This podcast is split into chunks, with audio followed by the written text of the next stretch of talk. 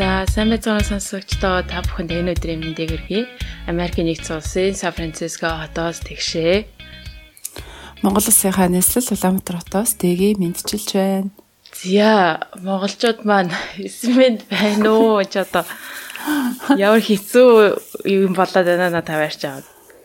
Харин тийм ээ ер нь жоохон барцтай л үйл болж байгаа байна. Харин тийм. Дэгийн бит хоёр энэ энэ дугаарыг бичих гэж баг хэдэн удаа хаашлгаа тий тог байхгүй болоо. Тэгээд дахиад нэг үч гэсэн чи гал гараад тэгээд тэр нь тогийн таслаад буу юм болж иж. Харин тийм л юм болоод тах шиг гадар ч одоо бити өвдөөсөө ханиа том их хахад хөөхт өвдчихвэл бензин байхгүй имлэг явж чадахгүй. Илдэг сандоор явсан зайз гэл ер нь бүх зүйл хаалттай болтой одоо хэдгээр зүүн бэ Хаана амьдраад байна л гэж бодогдож байна доо. Сая бид хоёр эхлэхдээ бүр тэглээ. Са тог тосорхоос өмнө хурдан бичээгээд. Юу болохыг би таашгүй. Аа, ястаа хэцүү маа. Тэгээд харин одоо эрүүл мэндээ сайн бодоод одоо яамар ч юм бэ энэ одоо ийм яг өвлийн үеэр штэ тий. Би тэгэл одоо мэдээ хараад ингээл дотор сонирн болоо сууж байна Тийм тэгэл одоо шийдвэрүүд нь чих огцсон юм аа. Өмнөх оройн гарал маргаашнаас хэрэгчээр боллоо гэл тэнд нь хүүхдүүд их өртөж байна. Би ч одоо нөгөө нэг сургуульд ажилладаг хүн. Сургууль маань маргаашнаас эхлээд онлайнаар болохоор боллоо. Тэргээл тушаал нэрэл хаана юу болоод байгаа юм болоо гэтэл арай л огцсон мó. Одоо бүр ингээд дасан зөгцөс сурцах шиг байна. Дөө хэр баргийн юм цочирдахгүй. Аа за за за одоо яах вэ гэлээ.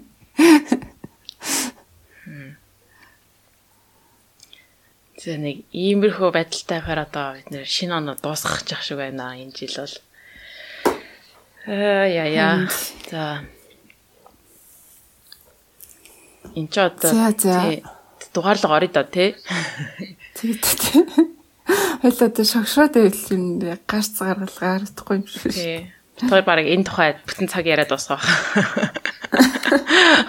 За тэгээд одоо манай подкастын одоо хэддэг жил болчихоо 6 7 дахь жил 7 одоо дараа жил 8 дахь жил рүү орох чинь баг аа болох гээд байна. Аа тий 2016 оноос эхэлсэн гэхээр дараа жил 8 дахь жил рүү орох нь. За тэгээд оны сүүлийн дугаар бид нараас одоо та бүхэн төлөвлөлтөд бэлэн болсон байна. Мм. За тэгээд энэ оныхоо сүүлийн дугаараар бид хоёр энэ оны 7 12 сарын сарын 7-нд гарсан алдарт Britney Spears-ийн The Woman in Me гэд маш одоо шууган тарьж байгаа алдартай номыг танилцуулах гээд бэлдсэн байна. Тийм. Гарсан даруйда New York Times-ийн бестселлер болсон. За тэгээд бидний үеийн хүмүүс ахын бол жинхэнэ нөгөө нэг аа тий попын одоо хатахан очи хатан гүнж байсан тий принцесс байсан. Britney Spears-ийг бич ямар ингээд бид нар чинь Britney Spears-ээр амьсгалдаг байлаа да жоохон доо. Тийм. Тийм. Одоо тэгээд аль хэдийн 1.8 сая хувь борлогдсон байгаа юм байна. Ер нь бол маш их шүүгэн тарж байгаа.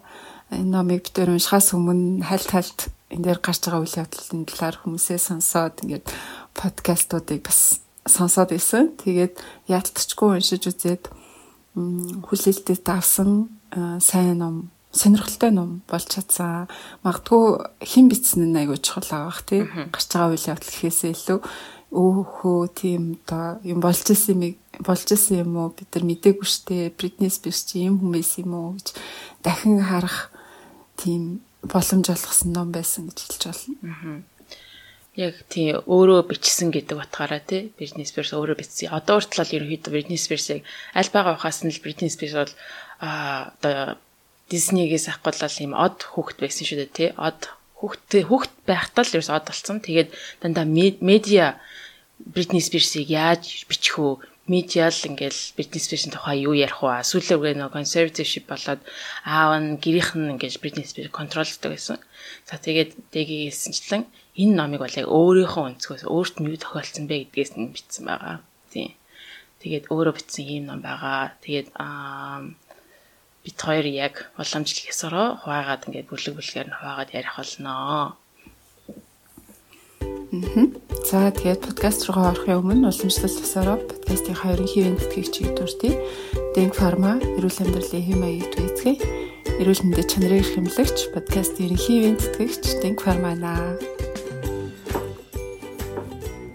За, ном маань ерөнхийдөө нэлээ олон жижиг жижиг бүлгүүдээс бүрддэг. За, тэгээд би эхний 8 жижиг бүлгийг нь товчлоод ярий.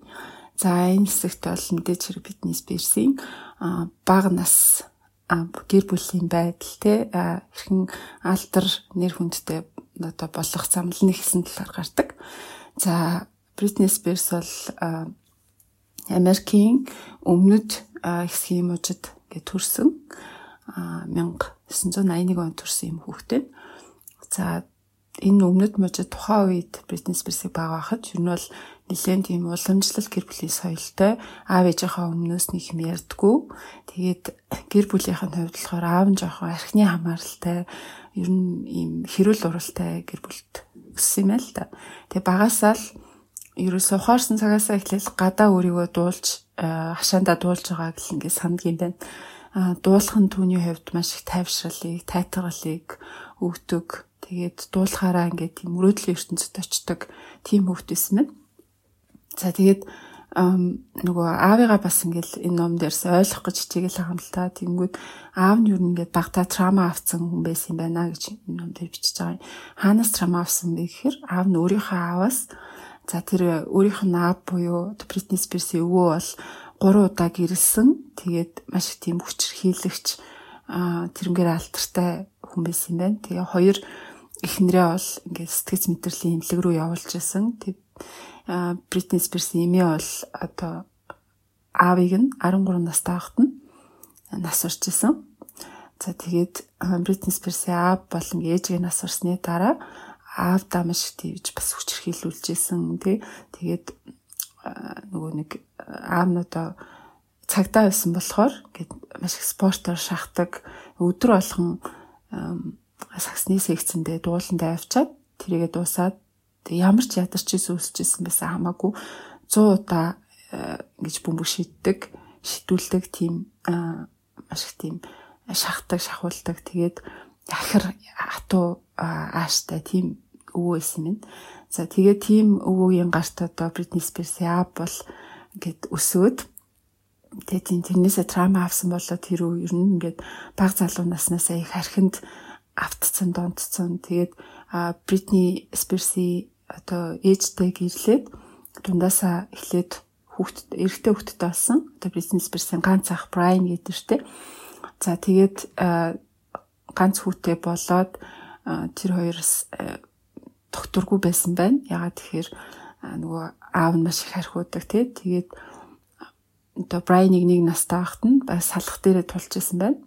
За тэгээд Бритни Спирс аав нь нэг жим жимийн бизнес эхлүүлсэн юм.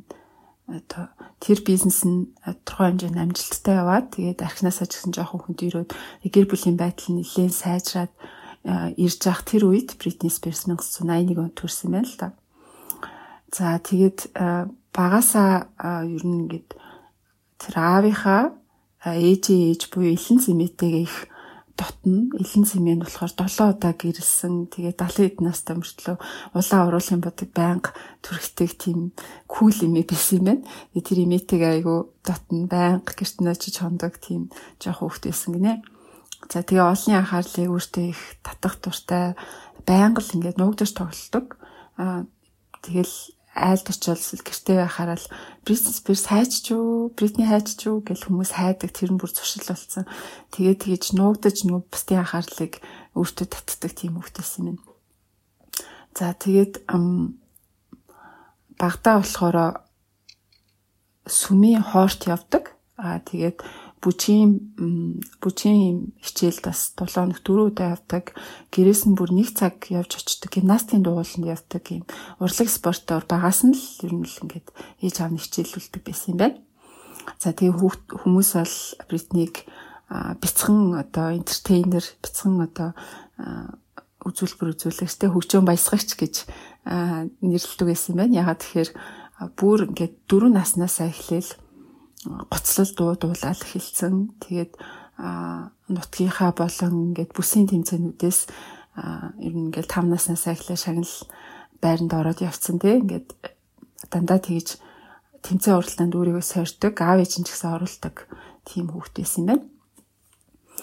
За тэгээд аав нь болохоор бас ингээд жимийн бизнесэнд бэлдэржүүлэх төвийнх нь бизнес нь нэг хэсэг амжилттай явж байгаа. Тэгээ буцаад архиндаа ороод тэгэх үедээ ер нь бол буцаал нэг гэр бүлийн харилцаа хэцүүдж эхэлсэн байл та. За тэгээд ер нь ингээд Бритни Спирс тэр Бритни Спирс яхад ч тэр маш хахир хатуу ханддаг. Тэгээд Бритни бол автагаа нэг машинд ганцаархнаа явахаас айдаг тийм бүр ингээд аавасаа маш тийм таагүй мэдрэмж авч өссөн юм байна. Ерөөсөө тутан байгаагүй гэдэг чинь. За тэгээ ах нь болохоор бас Бритник дөрөвнөөс таахт нь хүн тосолд ороод ингээд хамаг ясн хуураад гимтсэн. Тэгээ ахтайгаа ахыгаа өрөвдөө тэрөө ингээд маш их халамжлаад бүр багасаа ингээд нэг өрөөнд цуг орж унтдаг. Тэгээд бүр 6 дугаар анги хүртлээ ахтайгаа нэг өрөөнд цуг ингээд унтдаг байсан юм байна. Ахтайгаа их тутан байсан юм байна. Аа за тэгээд урлаан тэмцээнд ер нь бол орж явж агаад 8 нас хөрөнгөт нь аав ээжний сонингоос одоо Disneyland-ийн Mickey Mouse Club-ын талаар зар харсан юм байна л да ингээ хүүхдүүд сонгон шалгаруулж байна гэд. За тэгээд тэр сонгон шалгаруулалтанд 2000 гаруй хүүхд ирсэн байсан. Э, цөөхөө хідэн гарын 5 уранд багтгууц цөөхөө хүүхдиндээ сонгон шалгаруулсан. Э, тэр хүүхдүүд нь дандаа 10 настай хүүхдүүдсэн гинэ. Тэгээ Бритни болохоор тэнд очичоод би 9 настай гэд насаа нэмж хилээд ингээ оролцчихсан. Тэгээд сонгон шалгаруулчихсан хүмүүс нэрээ юу гэд итгэж удаад тэгээ ялтчгүй насан баг байна. Тийм болохоор тэнцсэнгүй гэд Бритнигээс гадна Кристина Акулера бас тэнцэж байгаагүй юм байна наснасаа болоод. За тэгээ найруулагч нь чамд бол авиас байна гэд Нью-Йоркд очоод одоо мюзикл энэ төр тоглоод туршлага хуримтлуулчаад тэгээ жоохон том болоод хүрээд ирээ гэж зөвлөжсэн байна. За тэгээд Бритнийг ээж нь энэ зөвлөгөөг дагаад Бритнийг Нью-Йоркт 10 наснаас нь эхлээд гэ мюзикл тоглуулж эхэлдэг. Тэгээд тэр үед нь бол Бритнигийн дүүн Жемилен гэдэг дүүн дүнж төрөө дудаагүй байсан. Тэгээд ээж нь тэр дүүгэн дагуулад Бритнийг одоо Нью-Йоркт мюзиклд тоглуулахын тулд төр хугацаанд гээд Нью-Йоркт очиж амьдарч ирсэн байна. За тэгээ Бритни тэнд бол маш завгүй байсан. 7 хоногийн 6 өдөр одоо жүжигт оролцдог. Гэтэ энэ нь болохоор яг нөгөө нэг гол дүр биш ингээд гол төрийн орлон тоглогч байсан юм л та. Тэгээд өөрөөс нь гадна бас нэг орлон тоглогч нь болохоор Natalie Portman алдартай жигч шүү дээ байсан юм байна. За тэгээд орлон тоглогч болохоор нөгөө одоо байнга л бэлэн байдал байж байхгүй болохгүй тэгээд э, хажуугаар нь бүжгийн э, дууны ингээд бэлтгэл явна. Аа тэгээд э, нөгөө усын сургуульд самрагдах хэвээр ер нь маш завгүй хүүхд насыг тэнд бол ерөөсөө өнгөрүүлж чадахгүй аа тэгээд нэг хэсэг явсан байна. За тэгж жагаад хэдэн сарын дараа яг юм гол тоглогч болж чадсан. Гол жүжигчин болж чадсан. Гэхдээ аль хэдийн ер нь ингээд Нью-Йоркийн тэр мюзикл амьдралаас салхсан ядарсан байсан. За тэгж жагаад насан ч гэсэн гүцээд за нөө Mickey Mouse Club-ийнхаа сонгон шалгаруулалтанд дахиж орё гэд дахиж ороод тэнцсэн байдаг.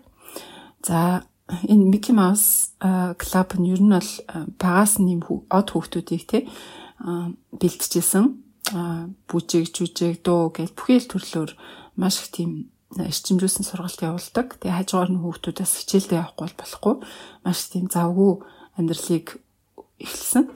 За тэнд нь болохоор нөгөө Кристина Клара бас тэнцээд ирсэн байсан. А нэг хувцсал хүрээтэй байсан тэр хоёр. За арай том хүүхдүүд дунд бол Ryan Gosling, Justin Timberlake энэ байсан. За тэгээ Justin Timberlake-тэй бол айгүй хурдан найзууд болж чадсан. Эхэндээ энэ хоёрын хооронд ямар нэгэн тийм үерхэл нөхцөл ч юм уу нэг нэгэнтэй одоо эсрэг хүсэндээ татгаж байгаа шиг татагдах зүйл байгаагүй зүгээр сайхан тутан найзууд байсан юм байна. Аа тэгээд нэг удаа биднийг эмээ нас ороход ингээд гэрлүүгээ буцах онгоцны плетгүй болцсон байхад Justin Timberlake-ийн ээж нь мөнгө зээлжсэн мөнгө өгөөд ингээд плетийг авч өгөө явуулчихсан гэхээр ямар дотн найзууд байснаас харагдаж байгаа юм. За тэгээд нэг а нэг юм тоглоом тоглож байгаад энэ Mickey Mouse Club-ийн хүүхдүүд тэгээд Justin Timberlake шийтгүүлэх болоод тэгээд шийтгэл нь Britney Spears-ийн үнсэх байсан юм байна. Тэгээд энэ нь болохоор явж Britney Spears-ийн анхныхан үнсэлт болж таарсан юм байна. За тэгээд Mickey Mouse House Club ингээд нэг жил хагас яваад тэгээд энэ нөгөө програм дууссан. Тэнгүүт энд яжсэн ихэнх хүүхд Нью-Йорк руу юм уу ингээд Лос Анжелес руу яваад карьераа улам ингээд цаашаа үргэлжлүүлэх гээд явсан. А тэгэнгүүт Бритни болохоор буцаад ингээд жирийн амьдралтаа орохыг хүссэн. Тэгээд буцаад гэртээ ирээд жирийн сургуультай яваад за гэхдээ мэдээ жирийн хүүхэд байгаагүй дөнгөж 13 настай да хаяада ээжтэйгээ цуг ингээ гадуур дотор коктейл уугаа явцдаг гэсэн гэж байгаа. Тамиг татдаг. Тэгээд а ер нь бол хүүхэдтэй бас нэлээ үерхчдэг. Аа тэгээ бүр 13 наснда машин барьдаг гэсэн чам.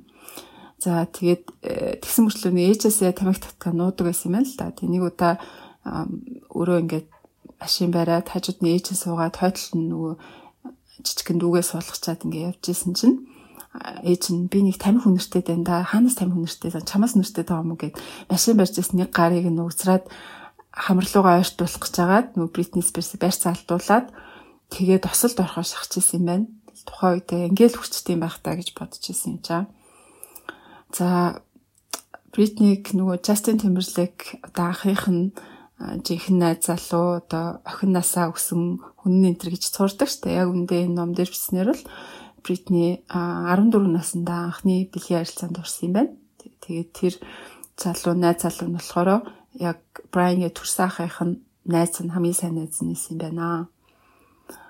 За Justin Timberlake бол тухайн үедээ InSync гэдэг хамтлагт орсон. Ер нь бол ингээд карьер амжилтаа эхлүүлээд явж исэн энэ үе байсан. Тэгээд Britney ер нь бол жоохон жирийн амьдралаасаа уйдаа буцаа шоу бизнес стори гээд тэгээд өмнөх нөгөө нэг Mickey Mouse клубийнхаа таньдаг хуульчин дээрээс зөвлөгөө авсан чинь Нью-Йоркт одоо продюсеруу танилцуулж өгөөд за тэгээд одоо загварын ямар нэгэн сампл те дуу бичүүлээд тэгээд илгээвэл яасан бэ гэж илгээгээд гэсэн чинь тэгвэл Нью-Йоркод ичээд ирээд дуулаад үзүүлээч ээ гэд үрдэг.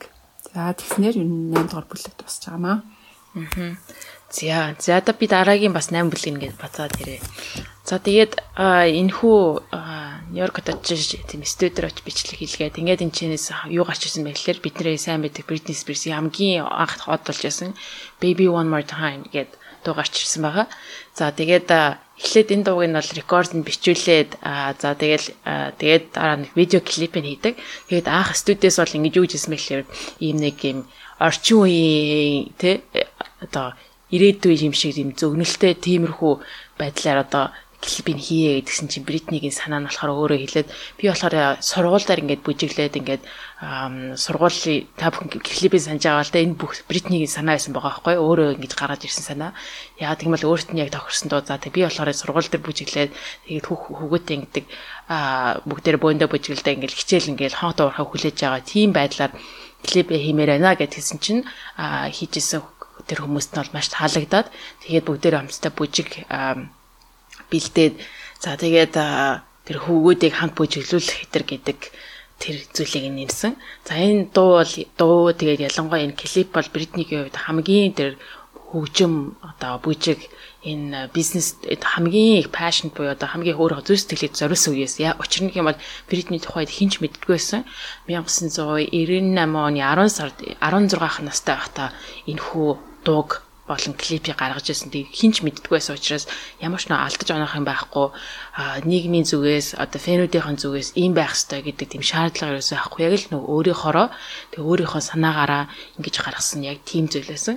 За тэгээд энэ дуугаараа айгүй ер нь бол бүх алдартай маш алдартай болсон. За тэгээд яг энэ алдартай болохоос өмнө болохоор энэ дууга дуулаад ингээд радио дээр бич ярилцлага өгөөл тэ энийг хүмүүс мэдхгүй тэ чи ер нь хий ингээл тэ. За тэгээд моолууд дээр очиж ингээд туур хийдэм байл л да. Тэрний юу гэхээр моол дээр очиж нөгөө нэг дуу дуулдаг танигдаагүй тэ.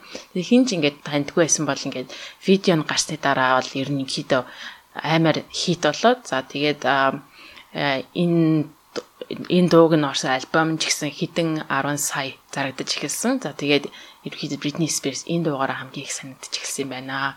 За тэгээд энэ үедээ хамгийн анх номер 1 сингл гаргасан одоо листэнд гаргасан тийм эмэгтэй эмэгтэй болж энэ бүр ингэж хит листэнд орж исэн байна.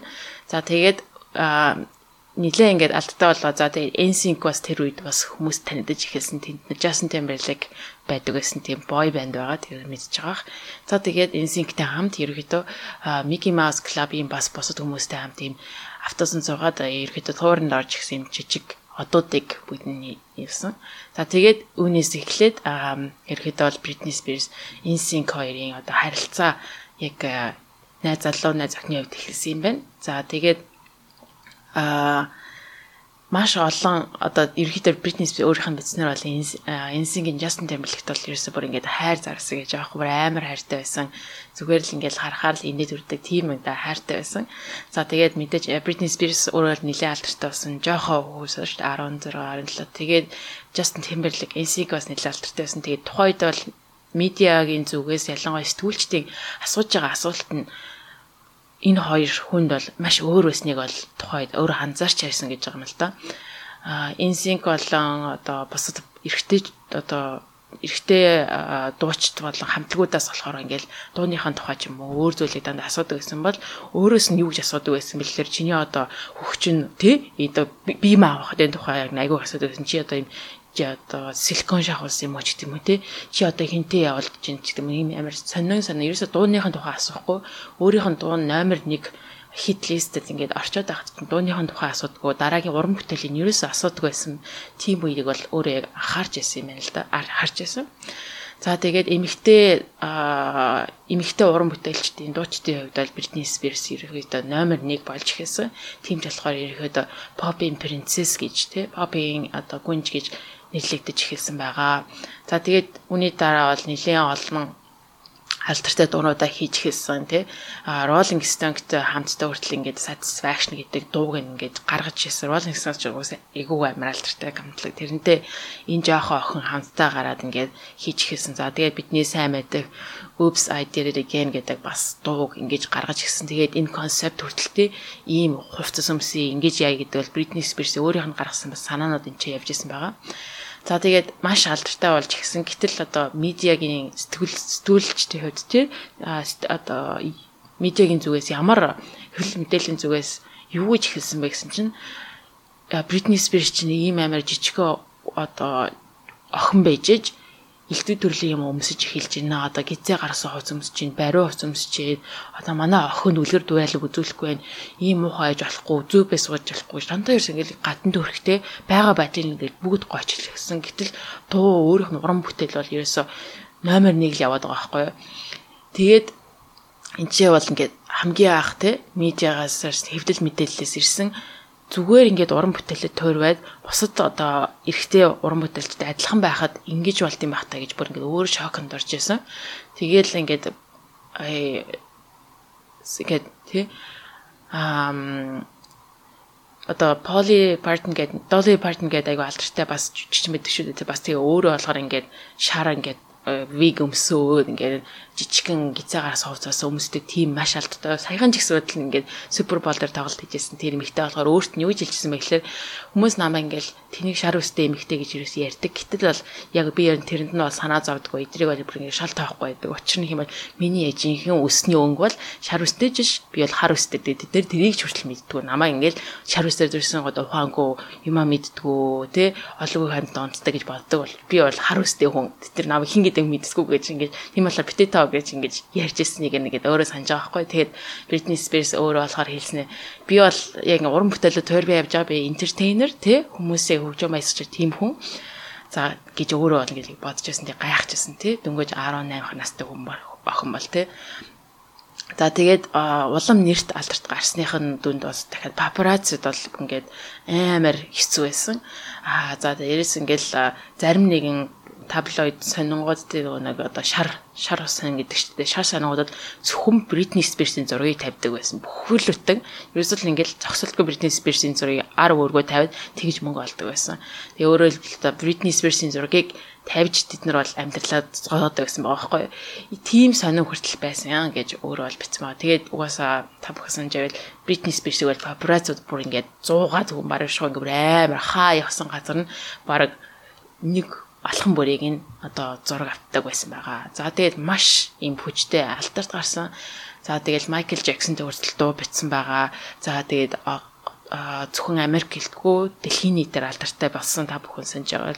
За тэгээд л ерөөхдөө дэлхийн нийтээр туурд явдаг байсан, тоглолт хийдэг байсан. За тэгэл өөрийнх нь хамгийн бас тууранд явж байсан, туур хийж явахдаа хамгийн өөртөө таалагдж байсан одоо тоглолт бол Барселонаас бас Рио де Жанейрод болсон тоглолт байсан. Яагаад гэх юм бол тэнд очиод бүгдээр ингээл усанд ороод тоглолтынхаа дараа тайвшраал тий. Анх удаа яг ингээд хүүхэд чиг тий баг тийм залуу хүн шиг маш тийм гоё байсан гэдгийг бол өөр ярьж байгаа байхгүй юу? Carefree гэдэг ярьж байгаа. За тэгээд энд Америктс алдартай SNL гэдэг хагас сайн болны орой болдог тийм шоу байдаг. Тэрийг бүр ингээд хоёр удаа хүртэл хост хийжсэн тэрийг ярилцсан орж исэн. Тухайн үед бол ерөөдөө хамгийн залуу тэгээд ийм олон удаа орж исэн тийм хүн болж одоо эмэгтэй уран бүтээлч гарч ирж байсан байна л да. За тэгээд ерөөсөө амьдрал маш сайн явж байсан. За тэгээ нөгөө талд нь бол Justin Timberlake-ийн тухай угаасаа яа харахгүй энд бол ярих хэрэгтэй болж байгаа юм л да. За тэгээ Justin Timberlake-тэй энэ олон одоо алдарт хүрж явах хоорондоо бол тэр хоёр бол хамтдаа Орландо Орландод хамтдаа амьдарч байсан. Тэгээ мэдээж NSYNC хамтлаг бол олон ингээд концерт тоглоо байсан. Britney Spears бас маш их завгүй те бүгд хоёул уран бүтээлээ төрөө байсан боловч а сарда хэдэн удаа гэртээ ирж Justin Timberlake хоёр Britney хоёр хамтдаа амьдардаг байсан байгаа. Тэгээ тухайд бол бүр ингээд хоёулаа би энд маш их хайртай хайраар ум бичсэн тийм үе байсан. За тэгэл ерөөсө фэнүүд нь ч гэсэн те Justin Timberlake Britney Spears бол угаасаа ийм одоо алтан хосууд юм а гэж ингэж ярьдаг. Тэгэл бүр маш их хүмүүрсээр хүрээлэгдсэн те медиагаар хэвлэл мэдээллийнхнаас байнга энэ хоёрын амьдралыг болж энэ амьдралыг болж гин гэсэн тийм байдалтай амьдарч байсан. За тэгээд Britney Spears юг мэддэг байсан бэ гэхлээр Justin Timberlake бас өөрийг нь араар нь тавьж байсныг бол ер нь сонсч байсан тийм тий хүмүүс ингээд чихэнд нүрдэг байсан юм байна л да. Жишээлбэл InSync Лондон руу одоо тоглолт хийхээр явахдаа бол тэр тэнд байсан нэг охинтой бас араар нь тавьж ирснийг мэдчихсэн тий. Тэгээ ер нь бол ингээд хүмүүс ингээд нилээн хидэд одоо босод эмэгтэйчүүдтэй араар нь тавьж ирснийг мэдчихсэн. Гэхдээ бол ингээд Britney Spears ингээд амар хайртай бас учраас ерөөс тоодгүй зүгээр инсинк надад хайртай юм чинь ингээд явдаг байсан. За тэгээд энэ ном дээр гарсан бас нэгэн хамгийн одоо хүмүүсийн гайхшруулсан одоо юу болсон бэ? Шоконд оруулсан зөвлөл яа харахгүй энэ хоёр үргэлжлэх хоорондоо Justin Timberlake, Britney Spears хүүхдтэй болсон юм байна л да. Энэ ерөөхдөө бараг 18 20 настай л байсан үед баг. За тэгээд Britney Spears хүүхдээ хүүхдээ болоо жирэмсэн басан. Тэгээд Britney Spears өөрөө жирэмсэн басан. Тэгээд өөрийнхөө битснээр байх юм бол өөрөө бол жирэмсэн да айгүйх баярлсан тий. Britney Spears бол ерөөхдөө аль байгаасаа л юм гэр бүлтэй болохыг хүсдэг, өөрийн хүүхэдтэй болохыг хүсдэг, өөрөө гэр бүлтэй болохыг тийм маш мөрөөддөг байсан учраас жирэмсэн басан Justin хэлсэн боловч Justin а ерөөсөө энэ бол баяртай байгаагүй шууд юу гэсэн бэ гэлээ бид нэр хитрхи одоо залуу байна одоо хүүхдээ олчлохгүй энийгээ одоо ахуулъя хүүхдээ ахуулъя аборт хийлгэе гэдэг тийм зүйлийг хэлсэн. За тэгээд хамгийн одоо зүрх шимсрүүлсэн мөчүүд нь болохоор өөр хинийч одоо хүн хинч мэдээгүй энэ хүүхдтэй бас нэг Justin Britney Spears за тэгээд өөрийнх нь туслах байсан Felicia гэдэг эмэгтэй гурвал тэр гурвал мэдсэг өөр хинч энэ Britney Spears-ийг ирсэн болохыг мэдээгүй. За тэгээд 19 20 настай охин өөрөөсөө үр зулбуулах юм им олоод тэгээд гэртээ үр зулбуулсан байгаа. Тэгээд бүр амар их өвдсөн гэж өөрөө хэлсэн. Тэгээд Britney Spears бол өөрөө хүүхдээ ер нь бол хүүхдээ төрүүлэх л төрөлмөр л байсан юм шиг байна. За тэгээд Justin Timberlake Justin болохоор үгүй гэсэн учраас тэгээд Justin хайртай байсан учраас ер нь Justin төлөө хийсэн гэж байгаа юм л да. Тэгээд тэр үр зулбуулах эмээ уугаад байныхаа өрөөнд ингээд атрилтчтэй 20 бас амар олон цаг бүр амар өвчтэй. Тэгээд ерөөсөө бүр хинт ч харах ямар ч сонирхолгүй ингээд тэр хүүтэн шалан дээр өвтөөд тэгээд үр зулбасаа гэдэг тэр зүйлийг эмчээ битсэн байгаа. За тэгээд үүнийхэн дараах нь Justin Timberlake ерөнхийд Бритнитэй салсан. Тэгээ тэрийг Бритни ерөөс тэр бодоогүй те Justin Timberlake-ийн төлөө энэ хүүхдээ ингээд зулгуулад энэ олон өвчнөөр ингээд байгаад тэгээд дээрэс нь олон аурыг араа нь тавьж яхад хүртэл ингээд чимээгөө явж идэл. Ингээд Justin Timberlake гів гинэд а мессежэр тий утсаар мессежээ за одоо хоёлаа ингээд дуусгая. Одоо хоёроо салъя гэж хэлсэн байгаа байхгүй. Гэтэл хэвлэл мэдээлэлээр дараа нь та бүхэн санаж явах юм бол хэвлэл мэдээлэлээр юу гэж ярьжсэн бэ гэхээр манай одоо энэ гоё залууг Justin Timberlake гэдэг одоо алтан хүү гэдэг Golden Boy гэдэг тэрнтэй Бритни Спирс салчлаа. Бритни Спирс л муухай юм чи юу хийж байгаа ингээд одоо яач зүрх сэтгэлийн энэ хүүний хүүгийн зүрх сэтгэлийг одоо гимтэч үү гэдэр гэж аюуг ярьдаг байсан тий. Мэдээлэлээр бүр ингээд ярилцсан хүртэл авдаг байсан шүү дээ Бритни Спирсээс. Тэрийг одоо санаж бол яг ард нь бол ийм болж ирсэн юм байна. За тэгээд Justin Timberlake бол одоо өөрийнхөө инсиг хамтлагаасаа гараад өөрийнхөө сингл альбомудаа хүртэл дуунуудаа хийж гисэн. Яг тэр үеэр таарсан.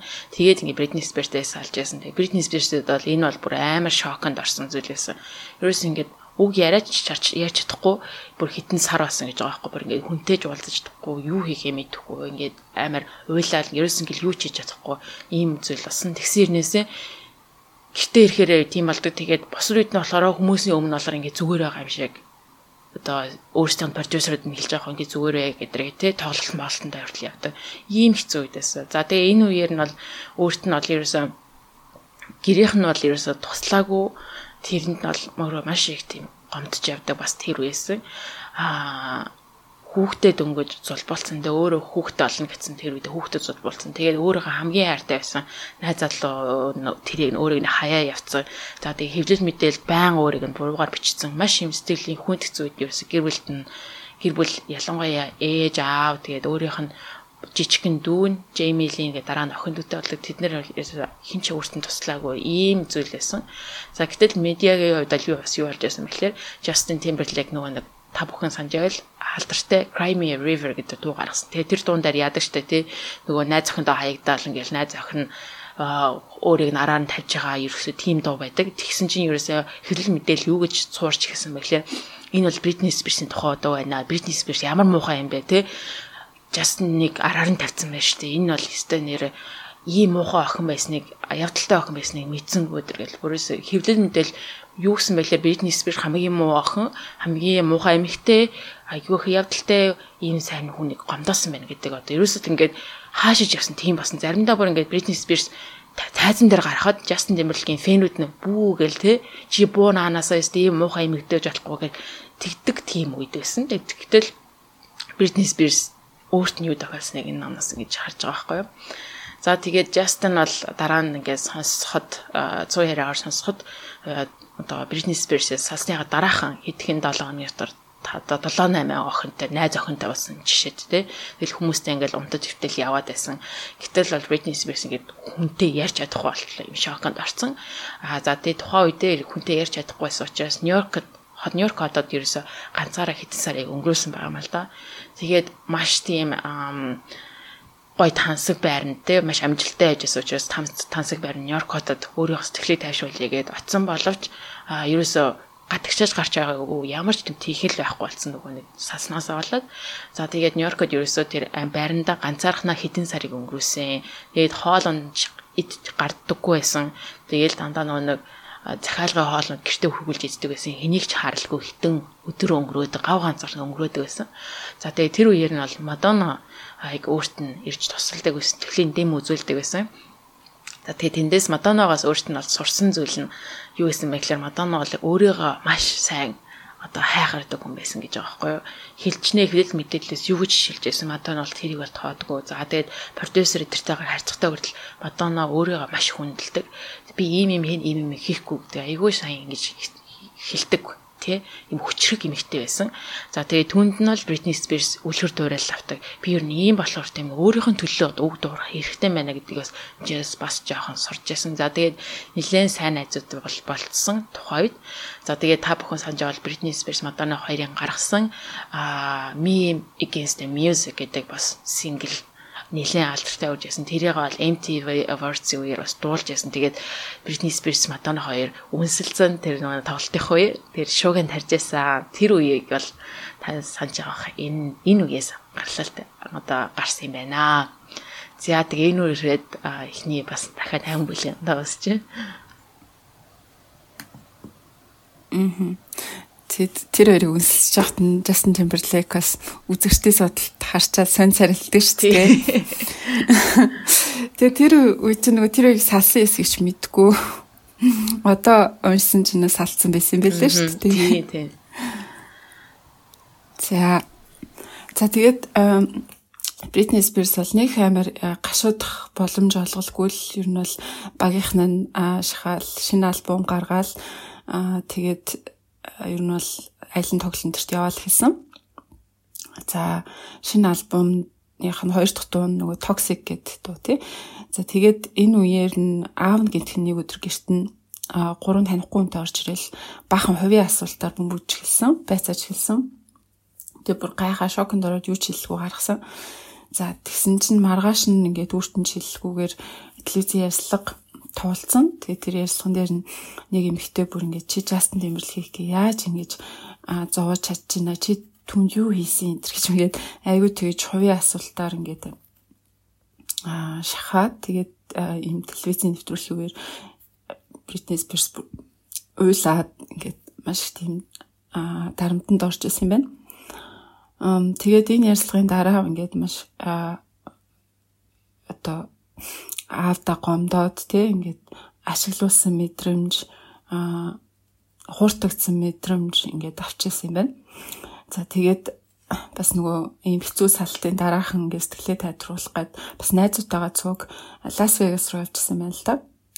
Тэгээд тэр найзуудын дунд болохоор Paris Hilton байсан.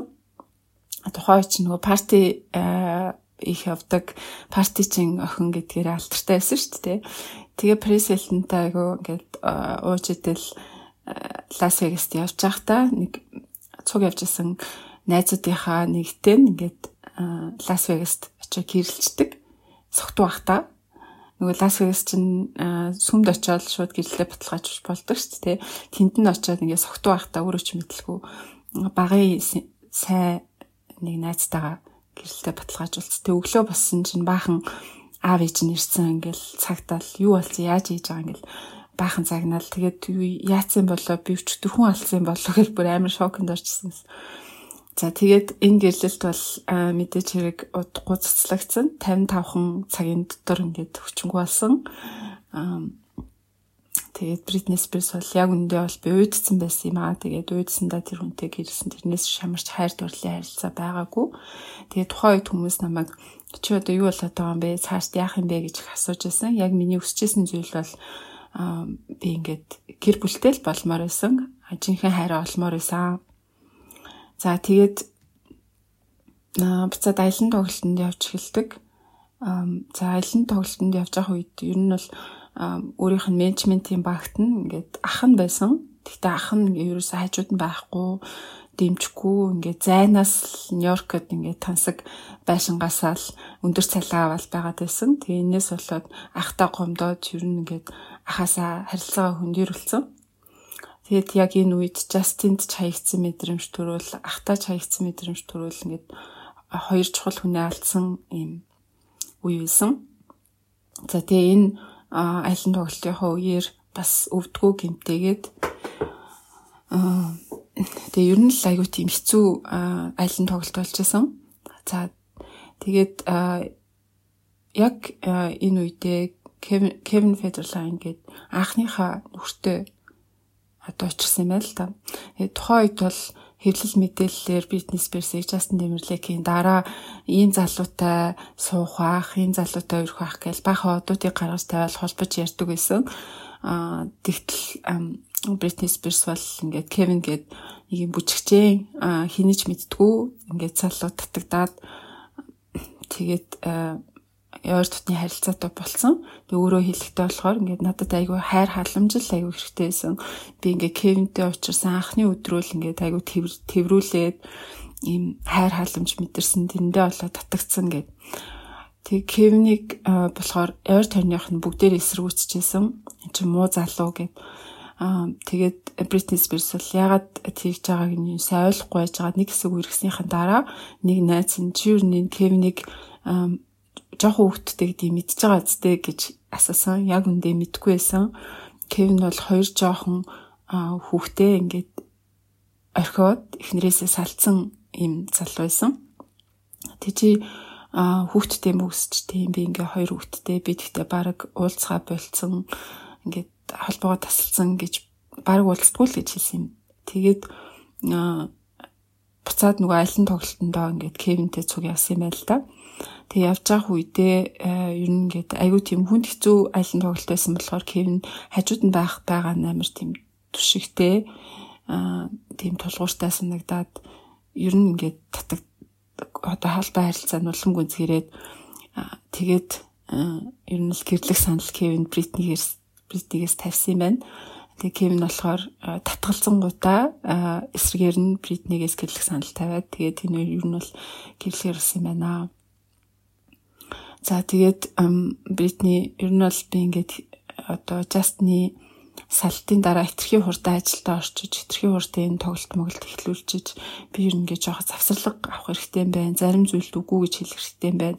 Миний хувьд хамгийн чухал зүйл бол гэр бүл гэдэг тэрийг бас фэнүүдтэй хэлээд би ингээд өөрчлөгдөж байна. Би зарим зүйлд үгүй гэж хэлж сурч байна гэд мэдээлэл гаргаж ирсэн байна.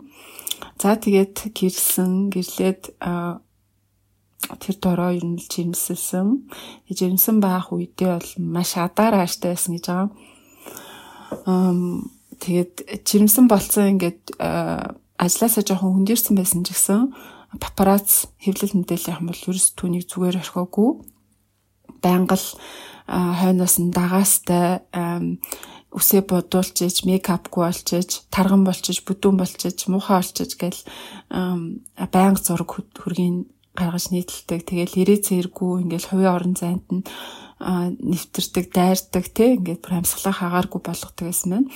Тэгээд Бритни бол нөгөө өмнөд мужаас гаралтай ер нь ингээд ах цахаа хүндэлдэг, альва хүнийг ингээд эрхмээ гэж дууддаг тийм боловсон хүн намайг юу гэж харах болтоо гэдэг тийм зүйлийг аюул чухалчилдаг хүн байсан юм л да. Тэгсэн ингээд папарац хэвлэл мэдээллийнхаа ингэж өөрт нь үл хүндэтгэлтэй ингээд одоо юм ширүүн догшин тий бүдүүлэг харьцаж байгаа нь бол амар өөрийг нэмзэглүүлчихсэн.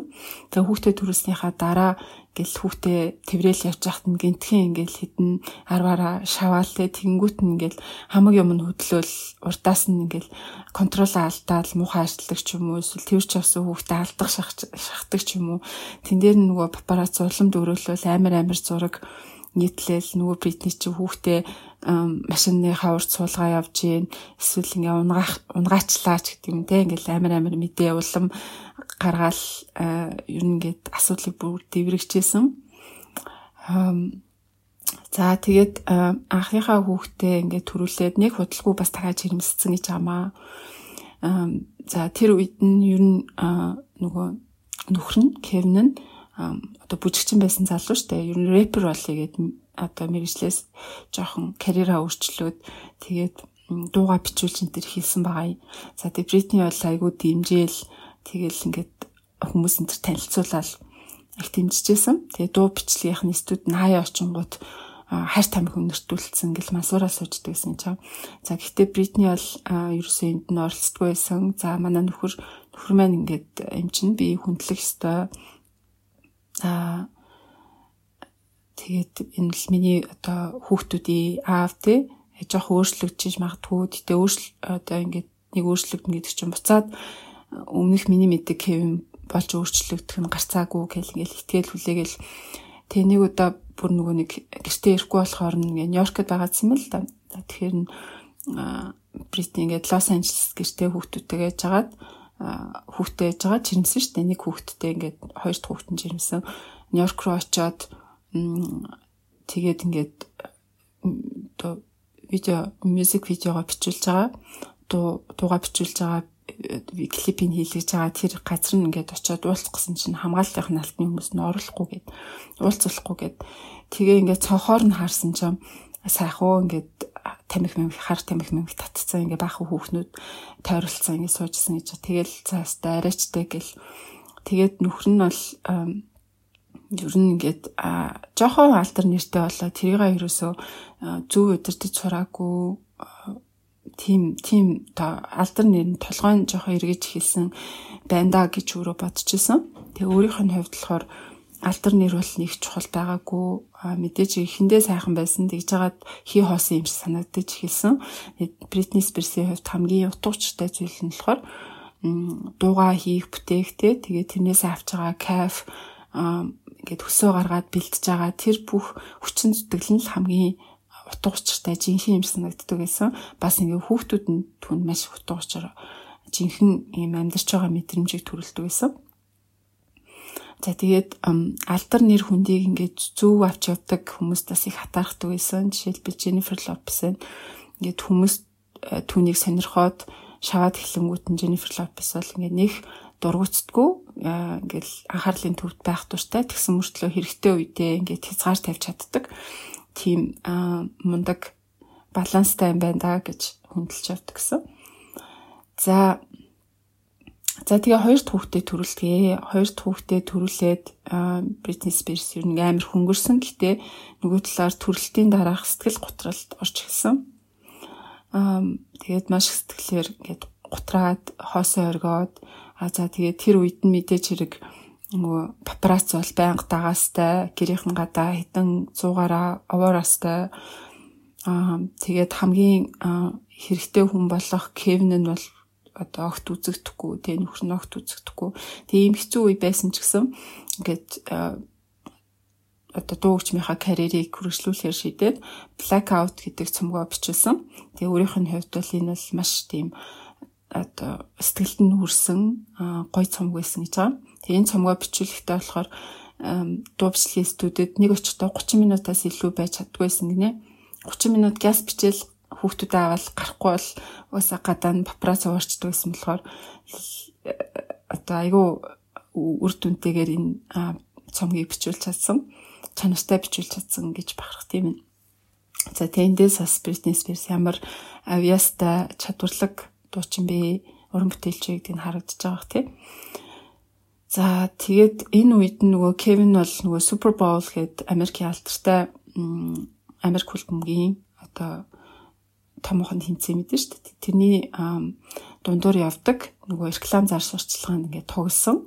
Тэгээ энэ энэ бол мэдээж хэрэг айгүй том зүйлтэй алтар хүнд авчирна. Гэхдээ тэр тоглосон реклам нь бол жоохон инээдтэй реклам байсан.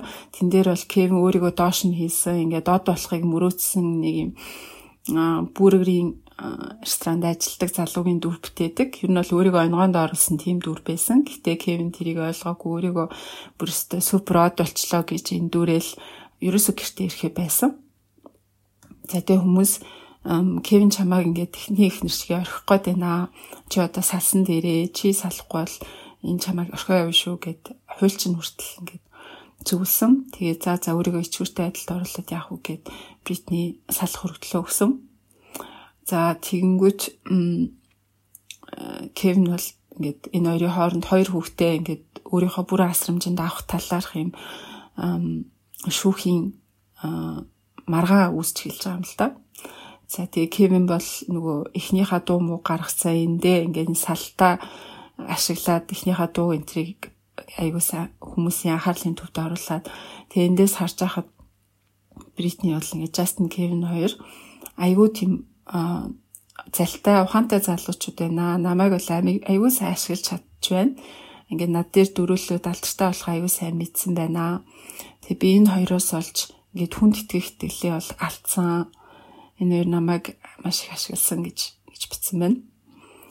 Аа за тэгээ энэ хэцүү үед бол Парис Хилтон өөрт нь маш их тусалж байсан гэрт нэрэл өөрийг нь тайлбарлуулаад тий хаяа ингээд гадуур дотор авч гараал хоёр нь ялах үүтэй сэтгэл гутралтай ийм хэцүү салтай байн хойноос нь папрас дагаж явдаг ийм байхад ингээд айгүй найзч нөхөрлөө тийм болдог хүнээсэн гэтэл энийг бол папараз засал хүлгэж аваад хөнгөн явдалтай арх хар тамхи хэрэгэлдэг хүмүүн гэл элдв шалтгаан бичиж хэлсэн. Тэгээд Бритнигийн хувьд бол хизээч архны хамааралтай байгаагүй мэн. Мөн хар тамхи хөвгт хэрглэж байгаагүй ийм хүн байна. За тэгээд ээжээсээ тусламж гуйгаад нэг өдөр ингээд одоо найзуудтайгаа гарахтаа ингээд хоёр хүүхдээ ээжээр харуулсан байна л да. Тэгээд буцаад мэдээж ингээд жоохон хаалцсан ирсэн юм байна. Тэгсэн чи ээж нь бүр ингээд хэл хэлгүйгээр хэлээд амар тормжлоод тэгээд тэр үед бол ингээд үнэн голоосоо гомдоод яагаад ийм хоёр жоохон хүүхэдтэй дөнгөж цаасан охин ямар хэцүү байгааг ойлгож болтгүй болоо. Яагаад ингээд дэмждэггүй маа гэхэд ийм муухагаар доромжилж байгаа юм болоо. Ямар хүүтэй юм бэ гэд. Тэгээ энэ цаг үеэс эхлээд ээжтэй харилцаа маш тийм хүндий болсон. Тэгээд ээжтэйгээ хизээж дахиад тутан болж чадаагүй гэж бичсэн байна. Аа. За тэгээд энэ үед бол сая дэгийн хэлсэнчлэн маш хэцүү байсан. Тэгэл ерөөсөө ингээл гадна дотноос бүх хүн ингээд өөрийг нь үгээр хилдэг. За тэгээд дөнгөж хоёр хүүхэдтэй болсон. За тэгээд жирэмсний дар төрөлтийн дараас цэл готролд орсон гэрээсээ салцсан хүүхдээ хүртэл ингээд өөр дээр байлынхын төлөө бараа ингээд дайн дажин болдог ийм хэцүү байсан. За тэгтэл саяны дэгийн хэлсэнчлэн ээж нь ингээд ганц хороод гараад ирэхэд найзуудтай гараад ирэхэд ингээд бүр амар олон үгээр хэлж яхад Justin Kevin хоёр бол тий ерөөсөө л ингээд хар тамиг хэрэглээл хинтээ дуртайгаа унтаал хахад хинч тэр тухай ерөөсөө бичдэггүй байсан. Дэлхий бол тэрийг ерөөсөө тоодгүй. Гэтэл Бритний хоёр хүүхэд дүнгэж төрүүлсэнтэй тэгэхээр амар алдартай цамгаа гаргацсан. За тэгээд бүх зүйлийг ингээд өөрөө ганцаараа ингээд хийг явж чинь хинч тэрийг сайшааж өөрийнхөө тухай сайн хэлхийн оронд харин эсрэгээр ерөөсөө л ингээд амар муу ээж тий хүүхдэд чаддгүй яасан яасан ингээд өөрийнхөө уран бүтээж гэсэн хүний тэр уран бүтээлийн тухай ярьж ямар алдартай байгааг нь ярих оронд ингэж ярьдаг гэсэн. За тэгэхээр эндээс л зарим хүмүүс бас хэлжсэн л да нөгөө нэг ном уншсан бас бол эмэгтэй хүний эсрэг ямар оо ямар байдлаар мэдээ одоо мэдээ мэдээлэлтэй хэвлэлийнхэн яаж ингэж хүмүүсийг хардаг эмэгтэйчүүдийн эсрэг ямар их одоо ийм тэгш бас байдалтай байгааг бол энэ Britney Spears Brain гэх бүр тодорхой жишээгээр харж байгаа. Ямар ч тийм Justin-ы тухай муу мэдээ гардггүй байсан шүү дээ. Тэ ер нь ингээл амар сайн ингээл тэ. За тэгээд энэ үеэр болоор ингээд яг ийм амар хэцүү байдалтай орсон. Тэгсэн чинь салсан нөхөр Кевин нь болохоор ерөөсө хүүхдэд өгөхгүй гэж ер нь шийдсэн. Тэгээд хэвлэл мэдээлч гэсэн ингээд Бритнийг амар муухай муу хамаг муу муугаар нь хилээд л те арх бодог хайртам хэрэлдэг тэргээл тэгээд тэр хоёроос Кевин бас дээрэс нь хүүхдүүдийг нь бол өөр дээр аавна. А за одоо би яхаж чамд хүүхдүүд өгөхгүй гэдэг зүйлийг хэлээд нэг удаа ингээд хүүхдүүдээ ингээд Бритни нэг хэсэг аваад Кевин нэг хэсэг авдаг гэсэн бол нэг өдөр очсон чи хүүхдүүдэд буцаагаад авъя гэсэн чинь өгөхгүй гэж хэлээд юусэн гаргаж өгөөгүй. Тэгээд хамгаалтынх нь гарч ирчээд хүүхдийг өгөхгүй байсан.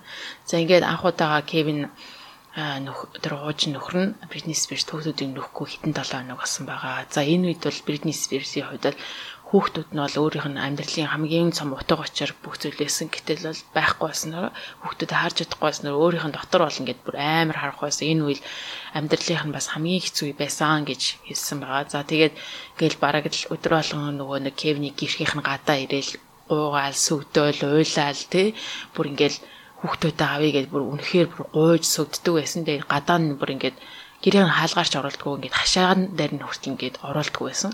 За тэгээд мэдээж түрээд бол папарацууд бол ерөөсөө нэр хитэн зуугаараа шавцсан бридний дахиад ингээд уйлаад явж ийн ийм муухай болцсон байна. Хүүхдүүдэд авч чадахгүй байна ч юм ингээд нэн сандаар гаргадаг байсан. За тэгээд тэр үед нэлээд папарацтаас орж ирсэн нэг зүйл нь бол өөрийнхөө толгой үсийг хуссан тэр чигээр нь тэгээд бүр ингээд үсээ хусахтаа санаж байгаа хот Бритни өсөө ослаа гэж нэг л амар шүүгэн гарч ирсэн дээ. Бритни галзуурч чигээд тухайд нь юу болж байсан гэхлээр дөнгөж сая хүүхдээ гаргацсан тий өөрийнхөө бүтэн цамгийг өөрөө бүх хүчээрээ гаргацсан хүүхдээ гаргацсан жимсний дээр асар мэдрэлтэй болсон саалтсан за тэгээд ингээд хүүхдээ авч чадахгүй байж ахт чинь папарацууд ирээд өөрт нь ингээд бүр нүүдэн дээр ингээд флашаар хийгээл тэгэл ямар муухай болсныг яриад ийм байсан учраас Бритни Спирс юу гэж хэлмээр байсан бэ гэхлээр дэлхийд одоо тэр бүх хэвлэл мэдээллийн папарацд юу гэж хэлсэн хэлсэн бэл надаас холд те? А над миний амьдрал одоо бити хол гэж хэлхийн тулд ерөөсөө үсээ хоссан гэж хэлж байгаа байхгүй. Тэгээд мэдээ хөдөл мэдээлэл бол өөрийнх нь ингээд амар төгс төлтөр ийм урт шаргал өстэй охин гэдгээр нь ингэж яадаг тий. Эмэгтэй хүнийг гоё урд өстэй секси байхыг мэд одоо дэлхий хүсдэг байсан тий.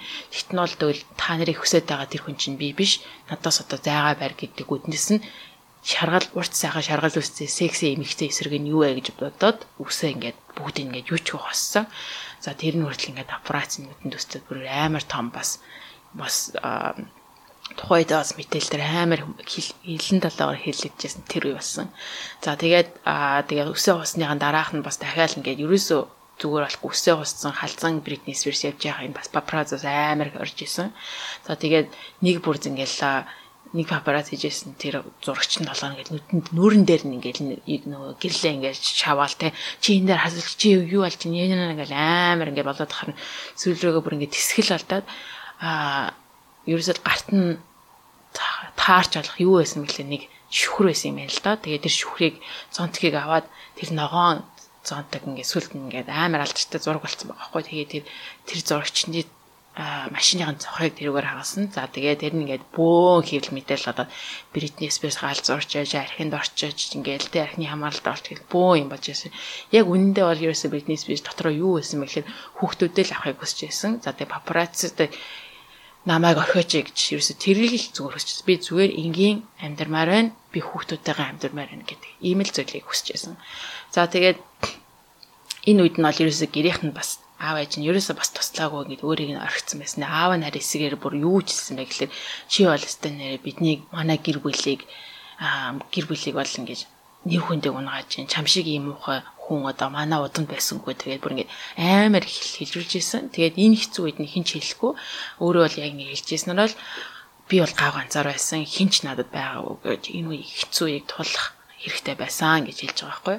За тэгээд гэрийнх нь тэр юу гэж хэлсэн бэ гэхээр одоо rehab буюу тэнцээ нөгөө нэг ийм ямар нэгэн хар тамхи болон одоо иймний донтолтой хүмүүс очиж ингэж эмчилгээнд орох хэрэгтэй, эмнэлэг твтэй гэж хэлжсэн.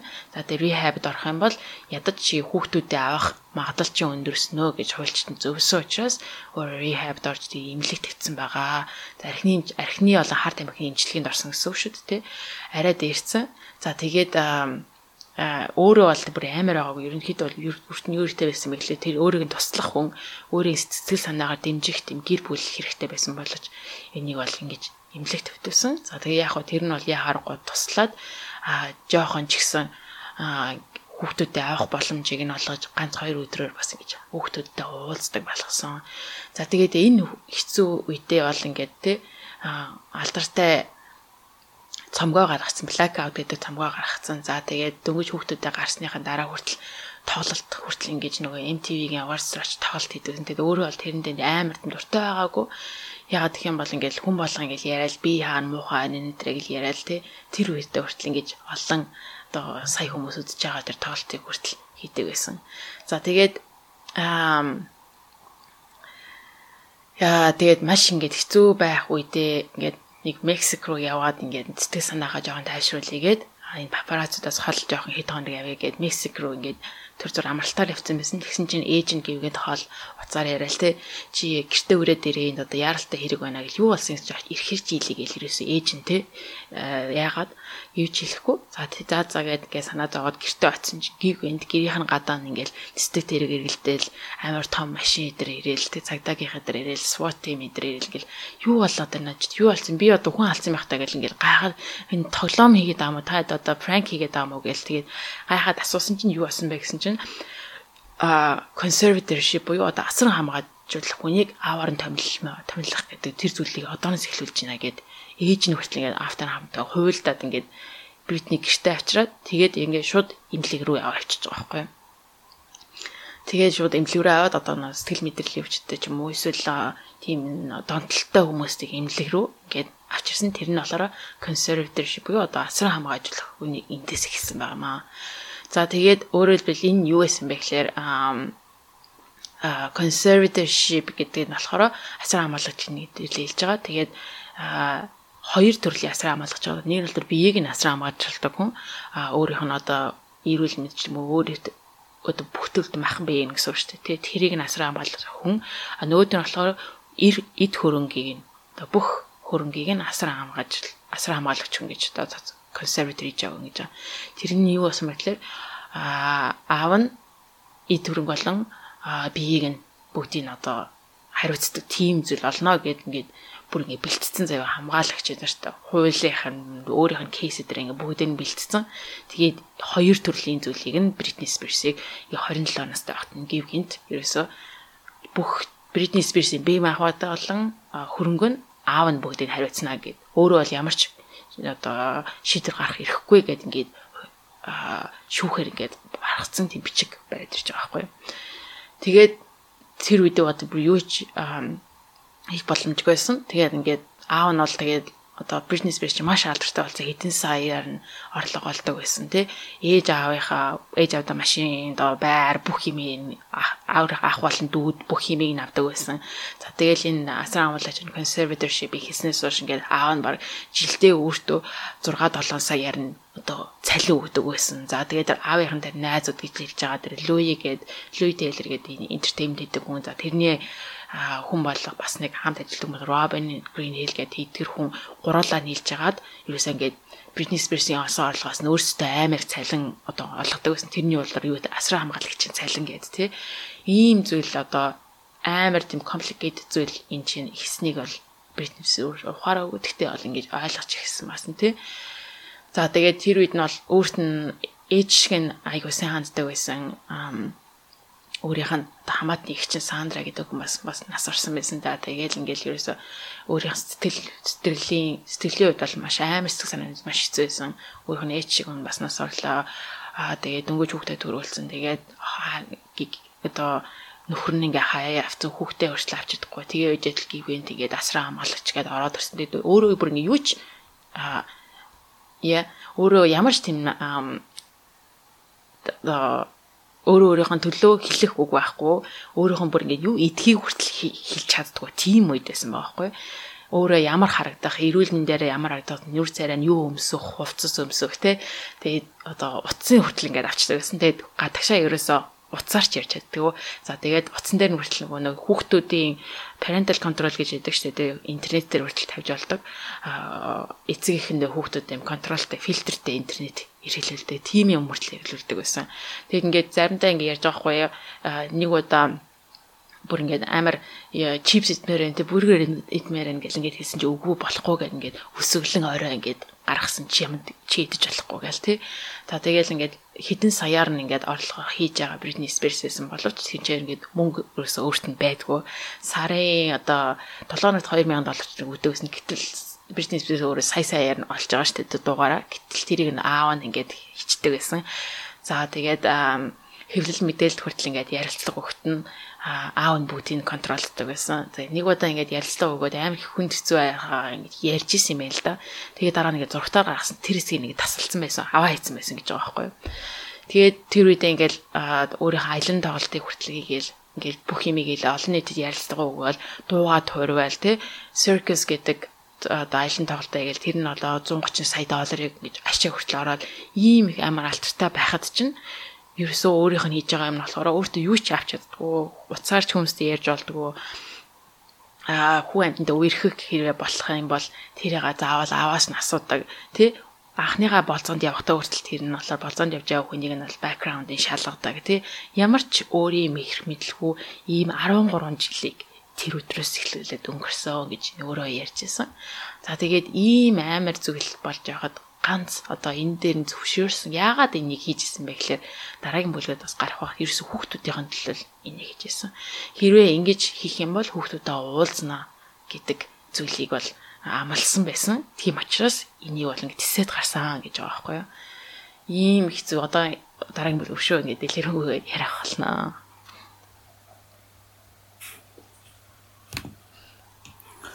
За Ер нь ингээ бүлэг жоохон хайлаад байна шүү. Тэгж би чиний юм ярьсан. Харин тийм одоо яг өөрийнхөө юм яриад тань юу болоод тань гайхалтай шүү дээ.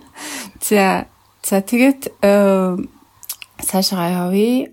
Ер нь бол нөгөө аав нь сая хэллээ шүү дээ. Хамгийн миний өдөртөө гэсэн гээд байнга би чин таргаа харагдчихээн одоо ийм дайт байр ийшээ жим яв гэл ер нь ингээд өөрийг нь ийм хүүхдээ робот болгосон гэж байгаа байхгүй юу. Буцаад ингээд ээж аавынхаа асгаанд орсон хүүчиг болсон. Миний дотор байсан эмэгтэй хүн одоо энэ номны нэр чиндээ women in me штэ тий. Миний дотор байсан эмэгтэй хүн эдрас болоод байхгүй болсон. Би өмнө нь ингээд хөгжмийн үнэн сэтгэлээсээ мэдэрдэг, таашаадаг байсан бол одоо ингээд эдэрт мөнгө олж аавда тий ингээд аавынхаа багт мөнгө олж өхийн тулд дуулж ин гэж бодохоор ингээд тэр дуунаас минь хамаг сүр сүнс нь байхгүй болсон аа гэдэг чинь. За тэгээд энэ консерваторшип чинь уг нь бол ингээд хүний асаргаанд байхаас өөр аргагүй өөрөө шийдвэр гаргах боломжгүй чадваргүй гэсэн юм тохиолдолд хийгддэг зүйл байтал гэтэл би энэ 13 жилийн турш маш олон одоо алин тоглолт хийсэн олон одоо 10 сая 100 сая одоо долларын орлого ашиг авчирч исэн олон 10 шагнал авч исэн тэгээд жишээлбэл 2008 онд л ганцаар ганцаараа одоо 20 гаруй шагнал авч исэн гэдэг ч байгаа байхгүй юу тэгэхээр ингээд бие дааж энэ хүнд хүчээр хөдөлмөрийг эрхлэх чадвартай мөртлөө өөрийнхөө төлөө шийдвэр гаргах чадваргүй гэхээр ингээд айгүй тийм зөрчилдөөнтэй утга учиргүй юм зүйлийн дор би ингээд 13 жил болсон. 2008 оноос 2021 оны хооронд саяхны хүртэл 2хан жилийн өмнө хүртэл ер нь бол энэ аимшигтай зүйлийг туулаа явжсан гэсэн үг.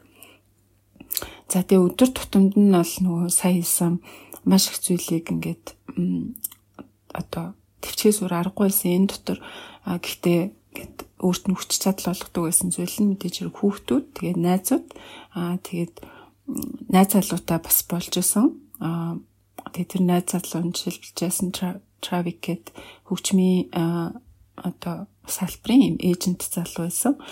Энэ залуутайгаа 3 жил үерхсэн.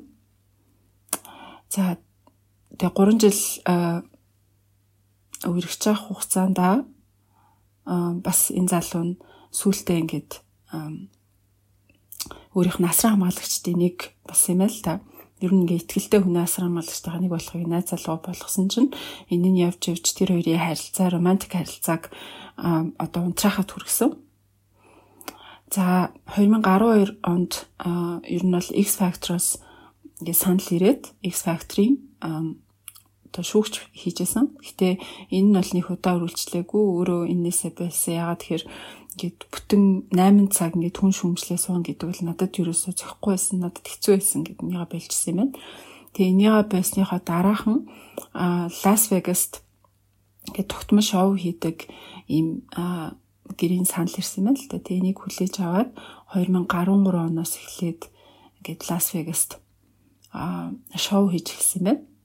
За тийм шоу хийж авах үедээ бол бас нэг одоо телевизийн продюсер Чарли Эберсол гээд найз залуутай болж исэн байна. Тэгээ энэ залуу нь болохоор ингээд жим энтрээр хичээлдэг. Тэгээд шимт хичээл судалгаа энтер хийдэг.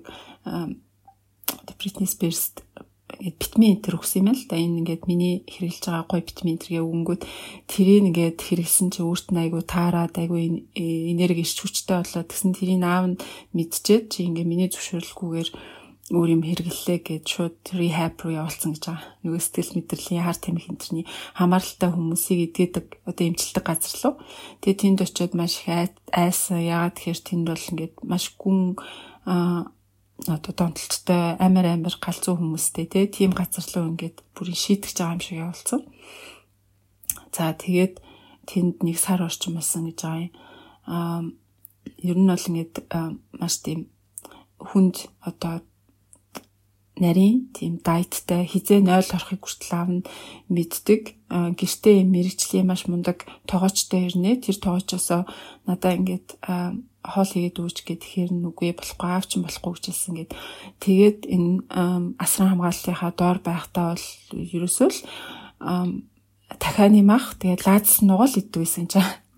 Таавынх нь одоо бодож байгаа тэр дайт нь бол энэ энэ эрүүл юм бэлгүй те. Аа тэгээд энэ хоол нь бол маш тийм өөрт нь хэцүү таагүй. Тэгээд өөрийнхөө үснээр кофе чи ууж болохгүй, чихэрлэг юм огт идэж болтгүй гэд. Ер нь ингээд өдөрт масаа хоол хүнсээс таашаал авах ямар ч боломж байхгүйсэн гэж хийж байгаа юм. За тэгсэн мөртлөө найзууд нь гэр бүлийнх нь бол ингээл тансаглал массажинд ороод тэг гой гой амралтын газар руу яваал Бритни Спирс бол хизээж ингэх боломж байгаагүй хизээж массажинд орж байгаагүй юу гэсэн үгээ те тэгэл хизээж юм бич гой юм амралтын газар руу явах боломжгүй тиймээс 13 жил нэг ч удаа арх угаагүй гэж үрдсэн шүү тий. Уулгадгүй байсан. Тий. Парти дээр тэр нь очихоор нь тэр партиг нь очих жоогоос би хамгаалагчд нь очиод эхлээл партигийнх нь гих гэрийн ингээл самнаал те. Тэгээд ингээд хажууд нь ингээд зогсчдаг юу хийж байгаа юм бүгдийг ингээд хараа зогсчдаг тийм байсан гэдэг. Тэгээд ингээд айлын тоглолтын үеэр цуг явж байгаа бүжигчт нь бүр ингээл хамаг гал цог нутраал ямар ч тийм наргиц ингээ хямарч боломж олохгүй те. Тийм хэцүү хараа хяналтыг доорлол ингээд ажиллаа хийх байдалтай байсан байна. За тэгээ нэг удаа ингээ бүжигчтэй нэг шоуныхаа дараа ингээд хоолнд даах болоод бүгдийг даах гэсэн чинь нөгөө 7 хоногт олгодог 2000 доллар нь хүрэхгүй. Таны үлдэл чи хүрлцэхгүй байх гэдэг айгүй ич хүртэй байдалд орчихсон гэсэн. За За тэгээд энэ үеэр Лас Вегаст нэг хүүхдүүдэд бүжиг заад юм байна л да. Тэгээ бүжиг зааж хагаад санаандгүй нэг охины нүүрлүүн гараараа зөгцөн. Тэгэл үй амар сандраал яасан охин минь зүгээр үү намайг уучлаарай гэл ингээл амар санаа тавиал тэгсэн нөгөө охин зүгээр зүгээр вирус өвдөггүй юм гэл тэгсэн мэн тэгсэн тэр үед нь гинтхэн бодсон.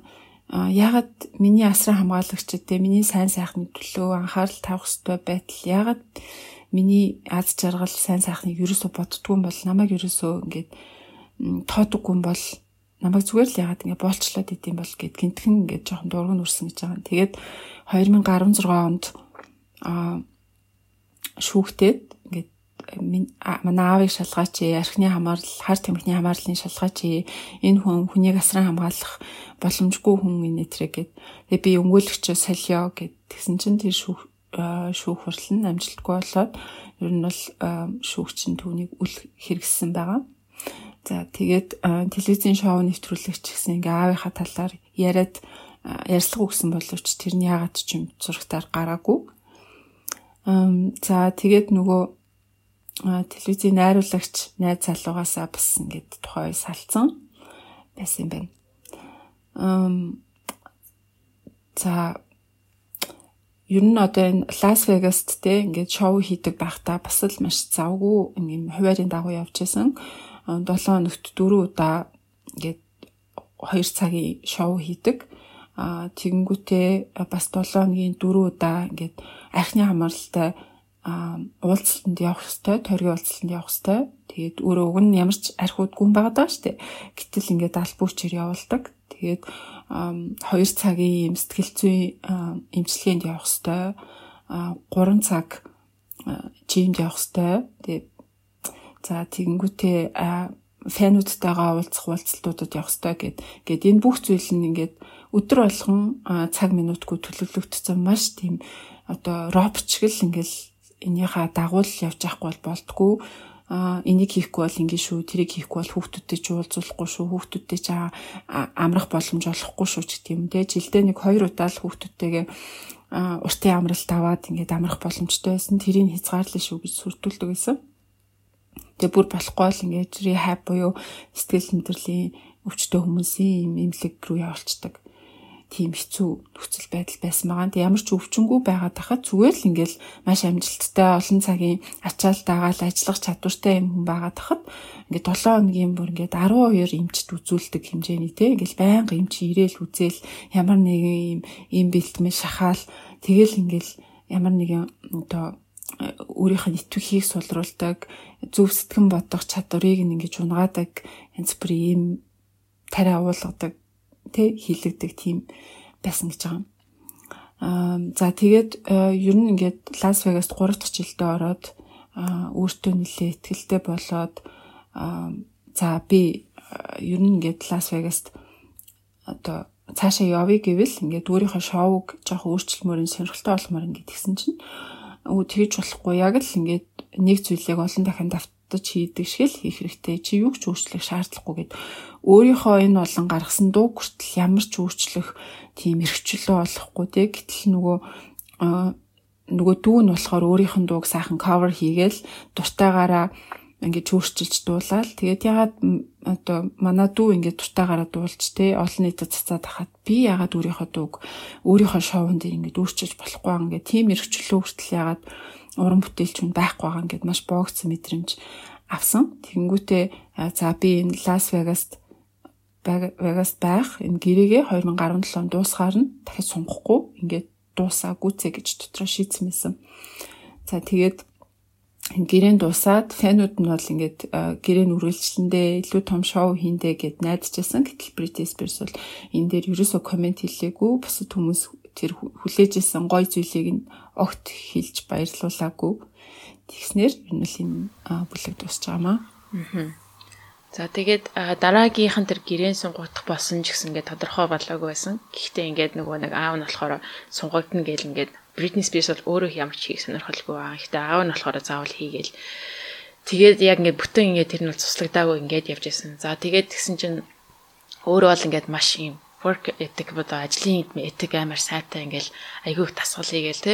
Тэгээд түрүүнд нөө хэлжсэн тэр нөгөө юмаа өөрчлөмөр байсан шүү дээ те. Жохон бүжгээ өөрчлөх, жохон ремиксээ өөрчлөмөр байна. Жохон шин юм соргог юм авч амаар байна гэдэг ингээ хэлсэн боловч аав нь ингээд хийгэнт ингээд харж яснаа. Чи ер нь юунд явуулсан байна тий тийм хамааралтай хүмүүс имчилгээнд явах болсон байна гэд өөрт нь ингээд хэлж байгаа хгүй. Тэгээд би ямааргүй шүү дээ намайг харж байгаа үстэй ийм амар сайн хийгээд ингээд байжсэн чинь өө би чамаас бэлтцсэн байгаа. Тэгээд нэг сэтгэл мэдрэлийн эмчийг дуудаж ирээд аа шалгалт авсан ч тэнцсэнгүй гэд шууд тэгээд чамд угаасаа rehab руу явах хэрэгтэй байна. Тэгээд сарын 60 мянган долларын ийм юу дээр чам руу явуулна гэд би явмааргүй байна. Би явахгүй л яахан гэдгсэн чинь хэрвээ чи явахгүй байх юм бол чамайг шүүх тавиа чинь шүүхээс чамайг яв гэдэг. А тэгээд угаасаа чамайг шүүхтэр угаасаа бид нар чиний ямар муухайг чи ярих болно тэгээд чи явал ингээд хүүхдүүдийн дэргээд фэнүүдийн дэргээд ингээд хамгийн шившгээ тарих болно гэд тэгэж хэлсэн байгаа. За тэгээд яв гэсээр хагаад аа тэгээд ингээд тэр энэ төрлийн юмд явсан. За тэгээ энэ нь бол ингээд бүр хэдэн сар энд бол ингээд хаана ингээд имлэгт бол төгжигцэн гэж өөрөө бичсэн байгаа. За за мэдээж гадаа гарддаг байсан, огт гадаа гарддаг байсан, машин барьдаг байсан тий. Өдөр болго ингээд олон төрлийн аа юуны цусны шинжилгээ өгдөг гэсэн маш их цус өөрөөс нь авдаг байсан. За тэгэл ингээд ямар ч өөрийн хувийн орон зай гэж ерөөсөө байдаг байсан. Аа юу ингээд жорлон орохдоо хүртэл 0 орохдоо хүртэл ингээд усанд орохдоо хүртэл хаалга заавал онгорхой ойлгох хэрэгтэй тийч хүн ингээд өөрийг нь хараад байж идэг гэсэн. Хувцас солихдоо хүртэл ингээд хүн ингээд хараад байж. Яагаад бол бүр ингээд маш тийм хүн сэтгэл мэдээлэл өвчтэй ч юм уу юм имчилгээ хийлгэж хүмүүс байдаг гэсэн байна л да. Тийм хэцүү байдаг гэсэн. За тэгээд маш ингээд өдөр олон цагаар тийм имчилгээнд явах хэрэгтэй гэсэн ингээд баян ингээд суух хэрэгтэй. Тэгэд өөрийнх нь Britney Spears-ийн удаад ингээд дуулаад бүжиглээд бие хөдлөх нь бол өөрт нь маш сайхан байдаг тий. Ингээд тэрнээсээ ингэж арай тайвширдаг байсан боловч тийм ямар ч боломж байгаагүй ингээд баян суулгадаг. Тэгээд дээрэс нь ингээд өөрт нь юу өгсөн бэ гэсэн чинь литиум гэдэг юм маш тийм хүнд ийм им өгсөн байна л да. Тэгээ одоо бол тэр имийг бол ерөөсөө хүн эмчнэр бол бичиж болох байлсан тийм хориотой юм болцсон байхгүй юу. Тэр имийг бол тухайд нь өөрт нь өгдөг байсан. Тэгээд за тэр өмийг нэг хүчээр болгочдөг. Тэгээд тэр имийг ухаар өөр яадаг байсан бэхлээр амар ингээд би энэ хүндрээд заримдаа бүр ингээд юу хийж байгаагаа ч мэдхээ болчдөг. Ингээд бүр масварлын байдалд оролцдог. Өөрийгөө хийн хаана юу хийж байгааг хүртэл ингээд мэдхээ ойлгох шиг тийм имийг Бритни Спирс уулгалдаг байсан байхгүй өдрөлгөн. Тэгээд нэг удаа ингээд бүр уугаад ингээд бүр сони амар масвараад юу болж байгааг ч мэдэх би хаана байгаа мэдэхгүй.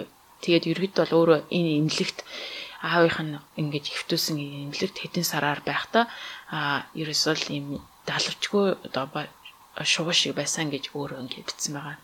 Тэгээд энэ имлэгт байсны бас нэг дахиад шалтгаан нь юу гэсэн бэл хүүхдүүдтэйгээ уулзах. 7 хоногт хаяада 7 хоногт хэдхэн цаг ингэ төлөвлөсөн цагтаа тэрэн дээр хүүхдүүдийг навчирч урдуулдаг байсан. За тэгээд яагаад энэ имлэгт ингээд имийн уугаад ингээд тэгсэ бэ гэхэлэр хэрвээ тэр хийсэн тэр програмд нь явах юм бол дараагийн 7 хоног хүсэж авчиж өгөхгүй шүү гэж хэлдэг байсан. Тийм учраас өөрөөр хэлбэл хүүхдүүдтэй уулзахын төлөө ерөөсө бүгдийг хийсэн болгоны хичнээн дургүй байсан ч гэсэн хичнээн өөртөө сайн биш байсан ч гэсэн ингээд хийдэг байсан. Ийм олон сарыг энэ өнгөрүүлсэн. Тэгээд өөрийнх нь хийснээр бол ерөөсөө энэний дараа өөр ингэж юу ч ясан бодсон байхлаа. Нэрээс манай гэрийнх нь намайг алах гээд байгаа юм байна штэ гэж ерөөсөө бодсон. Энд ингээд би удаан байх юм бол ерөөсөө намайг алхал юм байна. Амар хүнд ингээд имчилгээ өсөж чинь сэтгэл мэдрэл нэг улам дороод чинь тий. Ер нь ингээд намайг алах гээд байна. Тэгээд амьдралын тохиолдсон амар хамгийн хэцүү үед байсан. Үүний дараа бол ямар ч хэцүү зүйлээс айхгүй гэдэг айха болсон гэж өөрөө ингээд ном дээр бичсэн байгаа. За тэгээд энэ ингээд хэцүү эмнэлэгт ингээд бүр ингээд масуураад ингээд өөрт нь амар им тариа шахаад ингээд байж исэн чинь нэг өдөр аа нэг орой байж исэн чинь тэр эмнэлгийн совлогч нь гайхаад хөөе наашаа энийг хартаа гэдэг инстаграм дээр нэг юм гаргасан байсан. Тэр нь болохоор Free Britney гэдэг тийм цамцтай хүмүүс ингээд бодомжоор ингээд марш юу вэ гээд жагсаад явж гинэ гэдгийг нь харуулсан. За тэгээд тэрэн дээр нь анх удаа өөрөө Free Britney гэдэг зүйлүүдийг фэнүүд нь ингээд гаргаж байгааг нь мэдсэн байсан. Тэгээд ном дээр өөрөө бичгтээ Free Britney-гийн энэ жагсаал одоо энэ хөдөлгөөн бол өөрт нь маш чухал байсан. Ялангуяа эхний хэсэгтээ бол энэ бол маш чухал байсан. За тэгээд энэ Free Britney гэсэн жагсаал нь юу байсан бэ гэхээр фэнүүд нь болохоор Britney ерөөсөө Instagram дээр ч өөрийн аккаунт дээр байхгүй. Ерөөсөө алга болцсныг нь ойлгосон. Тэгээд ерөөсөө энэ Britney нэг газар орцсон байна тий. Нэг сэтгэл мэдрэлийн имлэгт ингээд олон сараар ингээд гарцсан байна. Одоо Britney суллал гэдэг тий тийм зүйлийн хөдөлгөөнүүд фэнүүд нь эхлүүлсэн байсан. За тэгээд энэ энэс нь болоод аав нь болоо эмнэлгээс нь гаргаад гэртээ авчирсан. За тэгээд ингээд тэр эмнэлэгт байсан гол шалтгаан нь бол аав нь болон гэрийнх нь тий тэнцээ Бритнийг ингэж цоожлоод шорон шиг газар байлгуулад алхаж гинэ гэдэг тийм зүйл өөрт нь бодож ирсэн шүү дээ. Энэ намайг ингээд алах гэдэг юм байна гэж. Гэтэл ингээд гэртээ ингээд эмнэлгээсээ гараад ирсэн чинь нөгөө гэрийнх нь аав нь ээж нь дүү нэтер тэнцээ байсан өө өстө чи өстө аймаар сайн байна. Ийм имлэгээс гараад ирлээ гэл те өөрийг нь тэрч аваад тэгээд нөөч олоор бүр гайхаад яагаад ингэж юм бол? Намайг дөнгөж тэнд алах гад байжсэн хэрнээсээ намайг одоо буцаад ирсэн чи ийм сайхан ааштай тий Тэснэл ингэж цааш өнөөдөр юу их чинь ямар плантай байна гэдэр гээл ямар төлөвлөгөөтэй юм гээл ингэж асуувал нөө бритний бүр шоконд орсон тэгээд амар тийм сонирн байдалтай. Тэгээд өөрийнхөө өөрийнх нь гэрт нөгөө нэг хүмүүс нь ирсэн тий. Тэгээд тэрийг ингээд баг явахыг ингээд хүлээгээд ойлгохгүй байсан. Тийм зүйл байсан тий. Тэгээд өөрийг нь алхаж байгаа хүмүүс нь гівгэн гэрт нь ирсэн жүжиг тавиад сууж байна гэдгийг ойлгосон. За тэгээд түүнээс хойш ерөөхдөө Бритни за би улсан дахиад ийм амар хүн цэцэг давцсан юм чинь дахиад нэг удаа даах нэг боломжийг агаа гэгээд маш хүчтэйгээр сэтгэл сэтгэлээ ингээд дахиад хүчтэйгээр засаад тэгээд инстаграм дээр яасан сошиал медиа инстаграм дээр би өөрийнхөө өөрийгөө хэн битгээ ерөөсө харуулах хэрэгтэй байна гэд инстаграм дээр ингээд андаа постлж хэлсэн байна л да. Тэгээд би энд байгаа шүү. Би энэ хүн байна гэд ингээд постлж эхлэе тэгээ байж исэн чи ерөөдөө ковид болсон. Тэгээд ерөөдөө бүх хүмүүс ингээд гадагшаа жахаалж ирээд тийм хүү амир хэцүү байдалд гэртээ локдаун болчихж байгаа хгүй. Тэгээд гав ганцаар нэг гэртээ бай хүүхдүүд байгаас учраас ингээд аа аав ээж руугаа мессежээд та нар юу хийж ин гэр бүлээр уулзах ууч юм уу? ингээд гэсэн чинь өө чамтаа дараа яриа баяртай гэж шууд ингээд бид нар энэ дэлгүүрсэж чинь гэж юм бид нар энэ резорт дээр ингээд Калифорниа бол энэ ковид үеэр нэлээ ингээд хүмүүс ерөөсөө гадагшаа гарч бүх амьтаа уулзах болохгүйсэн. Аа тэгээ өмнөд мужийнхан бол ерөөсөө нэр нь нийлээ нээлттэйсэн л та. Тэгээд тэгсэн чинь бид нар битриш явлаа морлаа гэдэг ингээ ерөөсөө тоохгүй ингээд яжсэн. За тэгээд энэ ч ерөнхийдөө ойлгосон юу гэхэлээ ерөөсөө манай гэр бүл гэдэг бол ерөөсөө ойл ерөөсөө л энэ ч ийм гэдгийг хүлээн зөвшөөрье гэж өөрөө бол ойлгосон байгаа. Миний гэр бүл гэж бол миний төлөө хизээч байхгүй юм байна. Аав ээж ах дүүнэр ерөөсөө миний төлөө байхгүй. Гэхдээ ерөөсөө ингээд орхий те ойлголоо. Гэхдээ би бол өөрөө өөрийнхөө төлөө босох хэрэгтэй байна. Тэгээ анх удаага энэ чинь юу гэж ойлгосон бэ гэхлээр тэр нөгөө нэг өөрт нь зориулсан шүүхээр хуваарлагдсан өмгөөлөгч гэд нэг хүн өгсөн байсан тэрийг болохоор сольж болохгүй гэж 13 жил өөртөө итгэсэн байсан юм л да. Тэрийг мэдсэн байсан. Гэтэ сольж болно гэдгийг нь дүнгэд саяхан ойлгосон гэж байгаа байхгүй. Тэгээд тэгээд тэрийг нь ойлгоод цагдаа руу 911 11 911 гэсэн дугаар руу цагтаад утсаар яриад гэрэгтээ 2011 оны 6 сард эхлээд миний одоо асран хамгаалагч одоо намайг энэ одоо abuse хийж байна тий энэ намайг ингээд энэ бол хууль бус зүйл хийгээд байна гэж анх удаа тийм гомдол гаргасан. За тэгээд маргааш нь шүүхийн зүгээс анх удаага за Britney Spears одоо тий та ярьж болно өөрийнхөө юу басан тухайг ярьж болно гэж анх удаага уцаар яриад анх удаага өөрийнх нь тухай өөрийнхөө төлөө өөрийнхөө хоолойгоор энэ ярьж хэлсэн. За тэгээд 13 жилийн дараа ингээд суллагдах боломж байгаа гэж гаргаж ирсэн байна л да. За тэгээд 2 сарын дараа 9 сард аав нь асар хамгаалагч байхаа болсон. За энэ үеэр нь бас нэг фэнүүдийн дундаас инстаграмаар хайж агаад би хуульч олмоор байна гэж агаад тэгээд хуульч олоод тэгээд тэр хуульч нь бол бизнес бизнесийн төлөө анх удаага зүйлүүдийг хийж ингэж 13 жилийн дараа анх удаага аавынхаа эрх мэдлээс гарсан гэдгийг нь бол тэгээ finally free woman гэж аахгүй 13 жил 27 настайгаас 40 настай хүртэл ингэж хүүхчиг, роботчиг боочлогдож амьдарсан. Тэгээд анх удаага ингэж эрх чөлөөндөө хүрсэн. Тэгээд одоо бол ерөнхийдөө юу хийж байгаа гэхэлэр өөрийнхөө буцаад амьдралыг өөрөө өөрөө удирдах сурахыг одоо оролдож байгаа. Буцаагаад өөрийнхөө амьдралыг ойлгох хичээж байгаа. За тэгээд ерөнхийдөө бол энд ч өөрийнх нь фенодд бас хэлсэн байсан л да хэлсэн байсан. Тэр нь болохоор тэр а уран бүтээлээ тойроход бол одоо ерөөсөн анхаарах цаг биш ээ. Би хөгжмөө өдр уран бүтээлээ хийхгүй. Одоо бол зөвхөн би өөрийгөө эмчлэх, өөрийнхөө сэтгэл зүйг эмчлэх, өөрөө өөрийгөө амьдралыг буцааж авах гэдэг өөрийгөө тэр одоо өөртөө анхаарал хандуулах цаг болсон гэдгийг бол энэ ингээд хэлсэн. Тэгээд одоо бол ерөнхийдөө маш их passion, compassion гэдэг зүйл хүнд уурлах биш харин хүмүүсийг сайхнаар хандах ойлгох гэдэг зүйл дээр агиух анхаарч байгаа.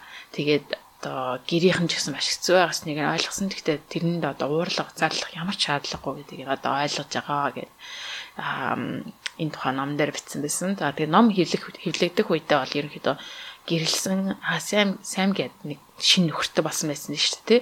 Одоо тэгсээ сүүл сая хэл ном хэвлэгсний дараа салцсан л да.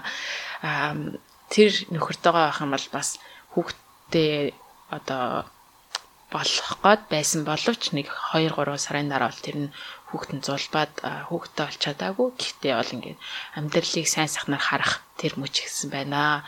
Одоо тийм эрх чөлөөтэй хүн болсон гэдгийг одоо ингээд энэ ном дээр бичээд улам ингээд тий эмэгтэй жоохон охин шиг байсан бол одоо би эмэгтэй том хүн болсон, том эмэгтэй болсон гэдгийг ингээд ном дээр бичээд номоо дуусгасан байгаа. Мм. За За тэгээ ерөөхдөө номоо дуусгачаад би бол гээд Britney Spears-ийн Instagram төрлөө ороод юу хийж байгаа юм бэ, яаж байгаа юм бол чиглэж байгаа юм л та. Тэнгүүт ингээд мэдгүй энэ бүжиглж байгаа юм нэ тэрэ бичиж байгаа юмнуудыг харахаар а ер нь л эдгэрэх процесснд л яваад байгаа юм санагдаад байгаа. Бүр ингээд бидний мэддэг баг хахад мэддэг байсан Britney Spears буцаад болоогүй харахан болоогүй байгаа юм шиг мэдрэмж төрж байгаа. Гэтэ ийм олон зүйл туулчаад хүн угаасаа эдгэрхэд хугацаа хэрэгтэй байх л та тий. Тэгээд ерөөсөө хүний санаанд багтангүй зүйл үзэж туулж байсан юм байна. Амьдралынхаа хамаг гоё ингээд ирч хүчтэй байх залуу нас одоо 42 настай гэдэг чинь тэр бүх он жилүүдийг ингээд харамслагаар өнгөрүүлсэн юм байна гэж санагдлаа. Тэгээд номын унш тусчаад байх нөгөө хуучны хит дууруудыг сонссон.